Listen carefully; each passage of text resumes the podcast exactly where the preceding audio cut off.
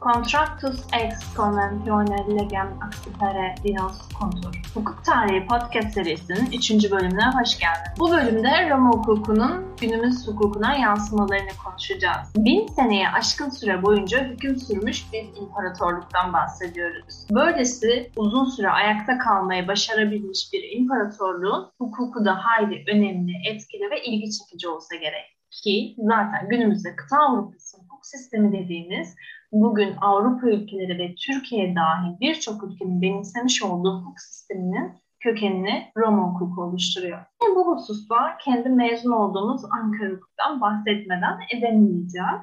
Çünkü Roma hukuku şu an bazı birçok hukuk fakültesinde seçmeli ders yahut dönemlik yani sadece tek bir dönem işlenip geçilen bir ders iken Ankara hukukta zorunlu ve bir yıl boyunca işlenen bir derstir. Bu ders Roma hukuku yani önemsiz ya da sadece tarihi bir ders gibi görünse de aslında günümüzdeki medeni, borçlar, icra iflas, usul kanunları veya ticaret, ceza, idare kanunları gibi aklınıza gelen gelmeyen birçok kanunun temelinde ya da içeriğinden bir parçasında Roma hukukunda kurallar, esaslar görürsünüz. Peki Türk hukukunda Roma hukukunun yansımalarını nasıl görüyoruz? Diye bir soru işareti oluşmuş olabilir. Sonuçta Türkiye Cumhuriyeti'nden önce Osmanlı İmparatorluğu vardı. İlerleyen bölümlerde bu konuya da değineceğiz daha ayrıntılı olarak. Ancak Türkiye Cumhuriyeti kurulduktan sonra bugün hala kullanmakta da olduğumuz birçok kanunu İtalya, İsviçre, Almanya gibi Avrupa ülkelerinden aldık, iktisap etti.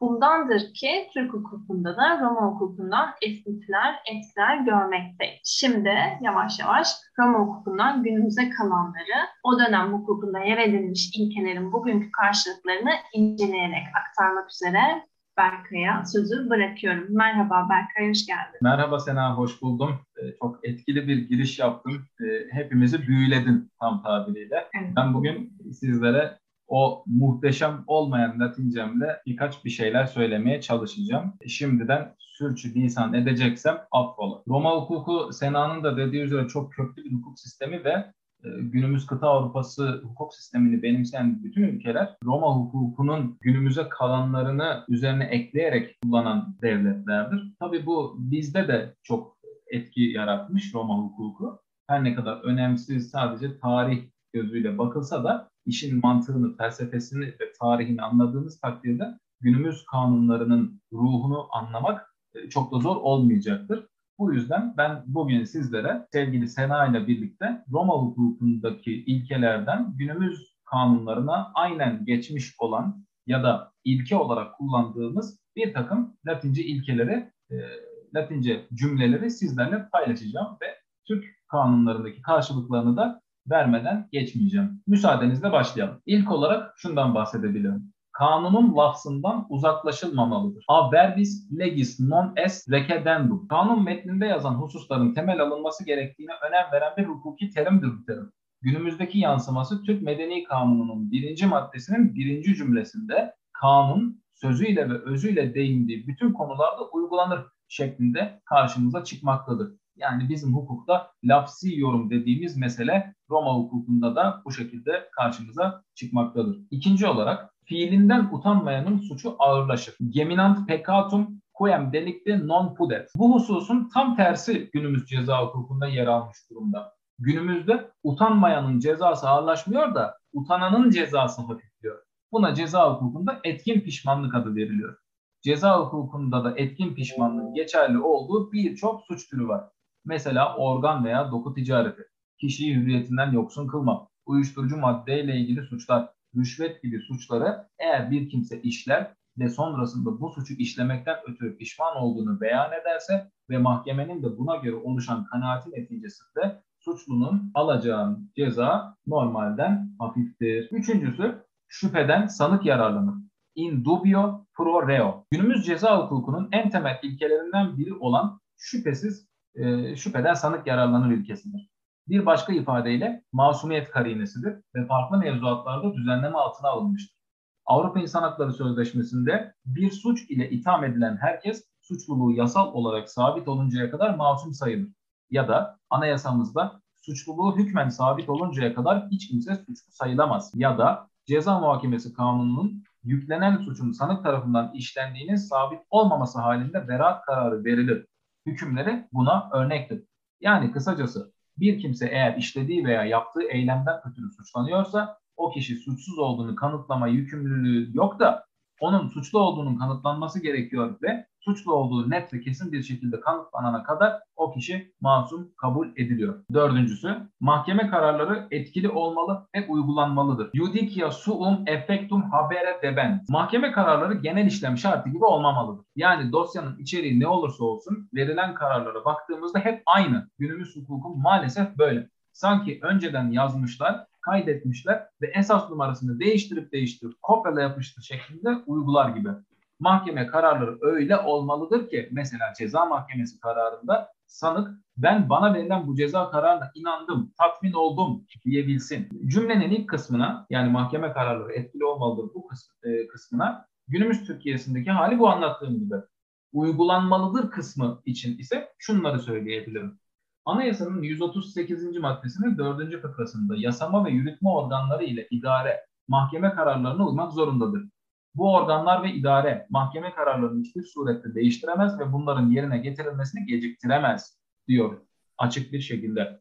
Bunun dışında 2577 sayılı idari yargılama usulü kanununun 28. maddesinin 1. fıkrasında Danıştay, bölge idare mahkemeleri, idare ve vergi mahkemelerinin esasa ve yürütmenin durdurulmasına ilişkin kararlarının icaplarına göre idare gecikmeksizin işlem tesis etmeye veya eylemde bulunmaya mecburdur diyor ve mahkemenin verdiği bir kararın uygulanmak zorunda olduğunu ve bunu, bu mahkeme kararıyla herkesin bağlı olduğunu ifade ediyor. Sıradaki ilkemize geçelim. Aynı suç dolayısıyla iki defa mahkumiyet kararı verilemez. Ne bis in idem crimen judicatur. Herkes bir suçtan ancak bir defa yargılanabilir ve bir defa cezalandırılabilir.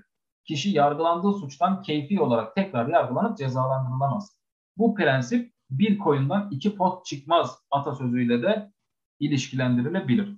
Bizim de kabul ettiğimiz Avrupa İnsan Hakları Sözleşmesi'ne ek 7. protokolün 4. maddesine göre hiç kimse bir devletin ceza yargılaması usulüne ve yasaya uygun olarak kesin bir hükümle mahkum edildiği ya da beraat ettiği bir suçtan dolayı aynı devletin yargısal yetkisi altındaki yargılama usulleri çerçevesinde yeniden yargılanamaz ve mahkum edilemez cümlesiyle, maddesiyle bu ilkeyi de açıklayabiliriz günümüz hukukunda. Sıradaki ilkemize geçiyoruz. Aynı konuda tekrar dava olmaz non bis in idem. Bu ilke medeni usul hukukuna ilişkin biri. Aynı fiilden dolayı aynı kişi hakkında birden çok dava açılamaması ve hüküm verilememesini ifade eder. Bu ilkenin iki unsuru vardır. Bir, fiilin aynılığı. iki kişinin aynılığı. Bunu günümüz hukukunda düzenleyen kuralımız ise 6100 sayılı hukuk muhakemeleri kanununun dava şartlarına ilişkin 114. maddesinin birinci fıkrasının I ve I bentleri. Şimdi sıradaki ilkemize geçiyorum. Sıradaki ilkemiz az önce Sena'nın bize yaptığı büyüyle aynı. Contractus ex conventione legem accipiere dinos kuntur. Yani tarafların üzerinde mutabık kaldığı hususlar kanun gibidir.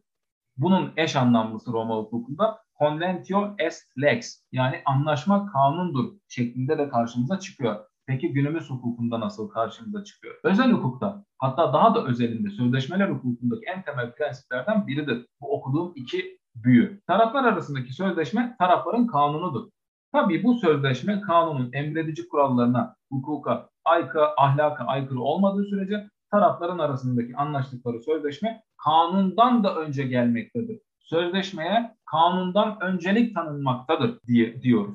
Fransız hukukunda da böyledir kıta Avrupa'sını tercih eden bütün hukuk sistemlerinde de böyledir. Gelelim sıradaki ilkemize. Hakim tarafların talepleri dışına çıkamaz. Necat judex ultra petita partium. Bu ilke kendini özel hukuk alanında gösterir. Taleple bağlılık ilkesi. Medeni usul hukukunda yer alan, yargılamaya hakim olan ilkelerden bir tanesidir ve hakimin tarafların talepleriyle bağlı olduğunu, talepten fazlasına veya talepten başka bir şeye karar veremeyeceğini ancak duruma göre talep sonucundan daha azına karar verebileceğini ifade eder. Mesela bir kimse eşinin kötü muamelesi, onur kırıcı davranışları sebebiyle boşanmak isteyip de eşinin aynı zamanda aldattığını varsayalım. Taraf bu zina olayını öne sürmedikçe hakim kendiliğinden zina olayına dayanarak boşanmaya karar veremez. Veya tazminat davalarında başka bir örnek, tazminat davalarında talep edilen tazminattan daha fazlasına hükmedilemez diyebiliriz. Ve sıradaki ilkemize geçebiliriz. Kıyılar herkes tarafından kullanılabilir. Litorum usus publicus est. Günümüzde bu husus şöyle karşımıza çıkıyor. 3621 sayılı kıyı kanununun 5. maddesi. Kıyılar herkesin eşit ve serbest olarak yararlanmasına açıktır. Bakınız yüzyıllar önce e, büyük hukukçu Grotius'un da söylediği buydu. Günümüz kıyı kanununun 5. maddesinin söylediği de bu. Gelelim diğer ilkemize. Hakkımızı kötüye kullanmamalıyız. Male jure nostro uti non debemus. Günümüz medeni hukukunun en temel ilkelerinden birisidir bu. Antik Roma hukuku kuralıdır ve günümüz Türk hukukuna medeni kanunumuzun ikinci maddesinin ikinci fıkrasında bir hakkın açıkça kötüye kullanılmasını hukuk düzeni korumaz şeklinde yer almıştır. Gelelim sıradaki kuralımıza. İspat yükümlülüğü inkar edene değil, iddia edene ait. Probare debet qui disit non qui negat. Gerek medeni kanunda, gerek medeni usul kanununda düzenleme altına alınmış ve bugün de aynen bu haliyle uygulanmakta olan bir başka ilkemizdir bu. İspat yükümlülüğünün iddia edene ait olması. İspat yükü kanunda özel bir düzenleme bulunmadıkça iddia edilen vakaya bağlanan hukuki sonuçtan kendi lehine hak çıkaran tarafa ait. Zira Türk Medeni Kanunu'nun 6. maddesi de böyle düzenlenmiştir. Bu maddeye göre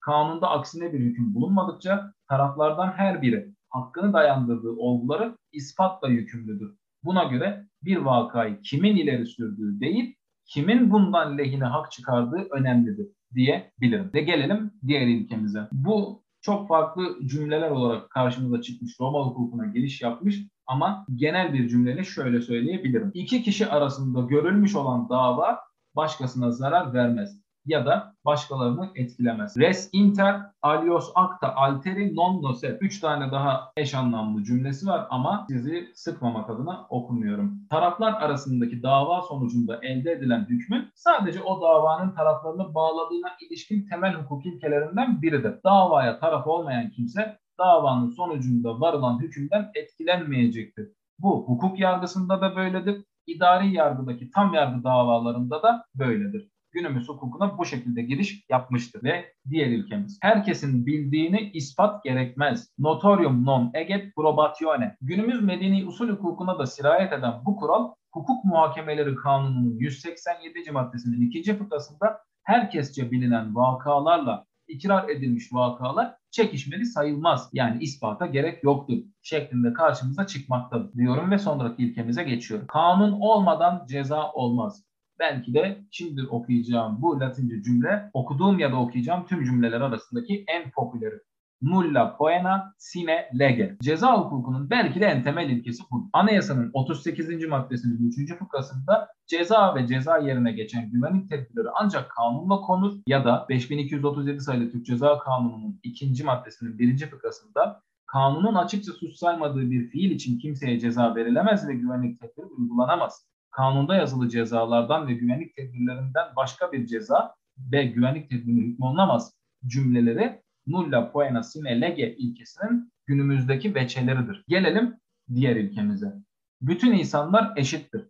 Omnes homines aequales sunt. Günümüzde bu husus anayasanın 10. maddesinde herkes dil, ırk, renk, cinsiyet, siyasi düşünce, felsefi inanç, din, mezhep ve benzeri sebeplerle ayrım gözetilmeksizin kanun önünde eşittir şeklinde karşımıza çıkmaktadır. Şimdi itiraz edenlerinizi duyar gibiyim. Ama lütfen itiraz etmeyiniz. Patrici ve plebler zamanında yıllarca savaştılar. Eşit değillerdi. Farklı sınıflara aittiler. Ve daha sonra bir 12 levha kanunu çıktı. Omnes homines aequales sunt ilkesi getirildi. Ve böylelikle pleblerin kararları yasalarla eşit hale getirildi. Böylelikle anayasanın 10. maddesindeki eşitlik ilkesine yaklaşıldı ya da şöyle de yorumlayabilirsiniz. Her sınıf kendi içerisinde eşittir de diyebilirsiniz. Yani Roma'daki kölelik ile bu biraz farklıdır. Diğer ilkemize geçiyorum. Fail ve azmettirenin kusuru eşit par delinquentis et suasoris culpa est. Bu ilkenin günümüzdeki karşılığı Türk Ceza Kanunu'nun 38.1 maddesinde başkasını suç işlemeye azmettiren kişi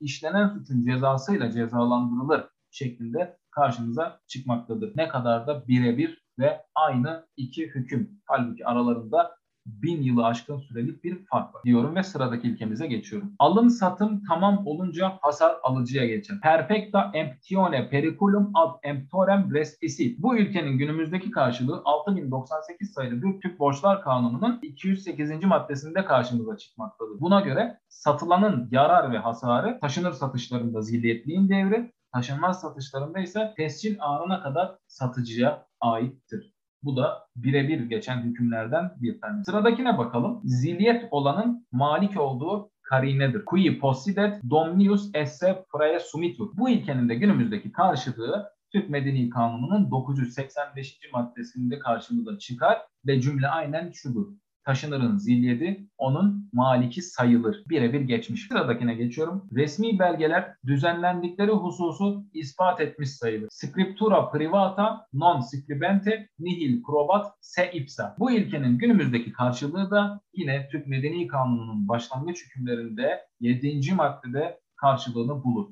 Buna göre resmi sicil ve senetler belgeledikleri olguların doğruluğuna kanıt oluşturur. Sonraki ilkemize geçiyorum. Kusur yoksa haksız fiil de yok. Ubi non est culpa, ibi non est delictum. Bu ilkenin de karşılığı günümüz Türk Borçlar Kanunu'nun 49. maddesinde düzenlenen haksız fiil sorumluluğudur.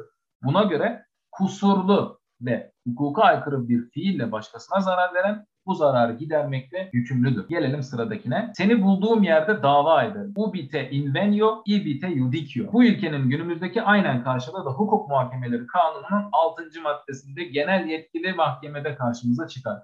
Buna göre genel yetkili mahkeme davalı gerçek veya tüzel kişinin davanın açıldığı tarihteki yerleşim yeri mahkemesidir. Yani davacı gider, davalının olduğu yerde davasını görmeye çalışır. Yani bulduğu yerde dava eder. Ve günün sonuncu büyüsü kuvveti kuvvetle def etmek caizdir. Vim vi repellere liket. Ceza hukukunun temel ilkesi hepinizin malumu olduğu meşru müdafaa ya da meşru savunma. Türk Ceza Kanunu'nun 25. maddesinin birinci fıkrasında bu, bu ilkenin karşılığını bulabiliyoruz. Buna göre gerek kendisine ve gerek başkasına ait bir hakka yönelmiş, gerçekleşen, gerçekleşmesi veya tekrar muhakkak olan bir saldırıyı, haksız saldırıyı o andaki hal ve koşullara göre saldırıyla orantılı biçimde def etmek zorunluluğu ile işlenen fiillerden dolayı faile ceza verilmez diyorum ve sözlerime burada son veriyorum kıymetli dinleyenler. Evet, güzel Latince telaffuzların ve açıklamaların için çok teşekkür ediyorum Berkay. Çok güzel, yine keyifli bir bölüm oldu.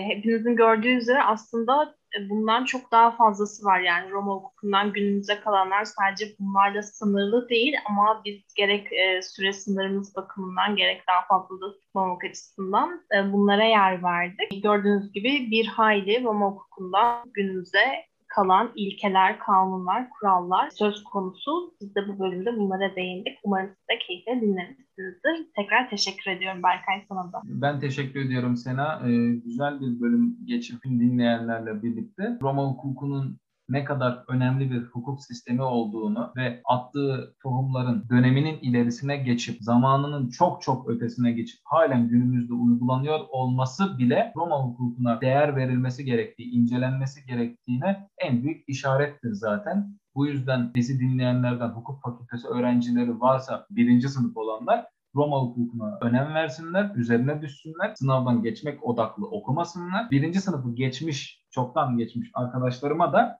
geriye dönüp Roma hukuku bilgilerini dersten geçmek değil, öğrenmek odaklı tekrar bir okumalarını ve nitelikli hukukçu olarak yetişmek için gayret göstermelerini kendilerinden rica ediyorum ve hepinize iyi günler diliyorum.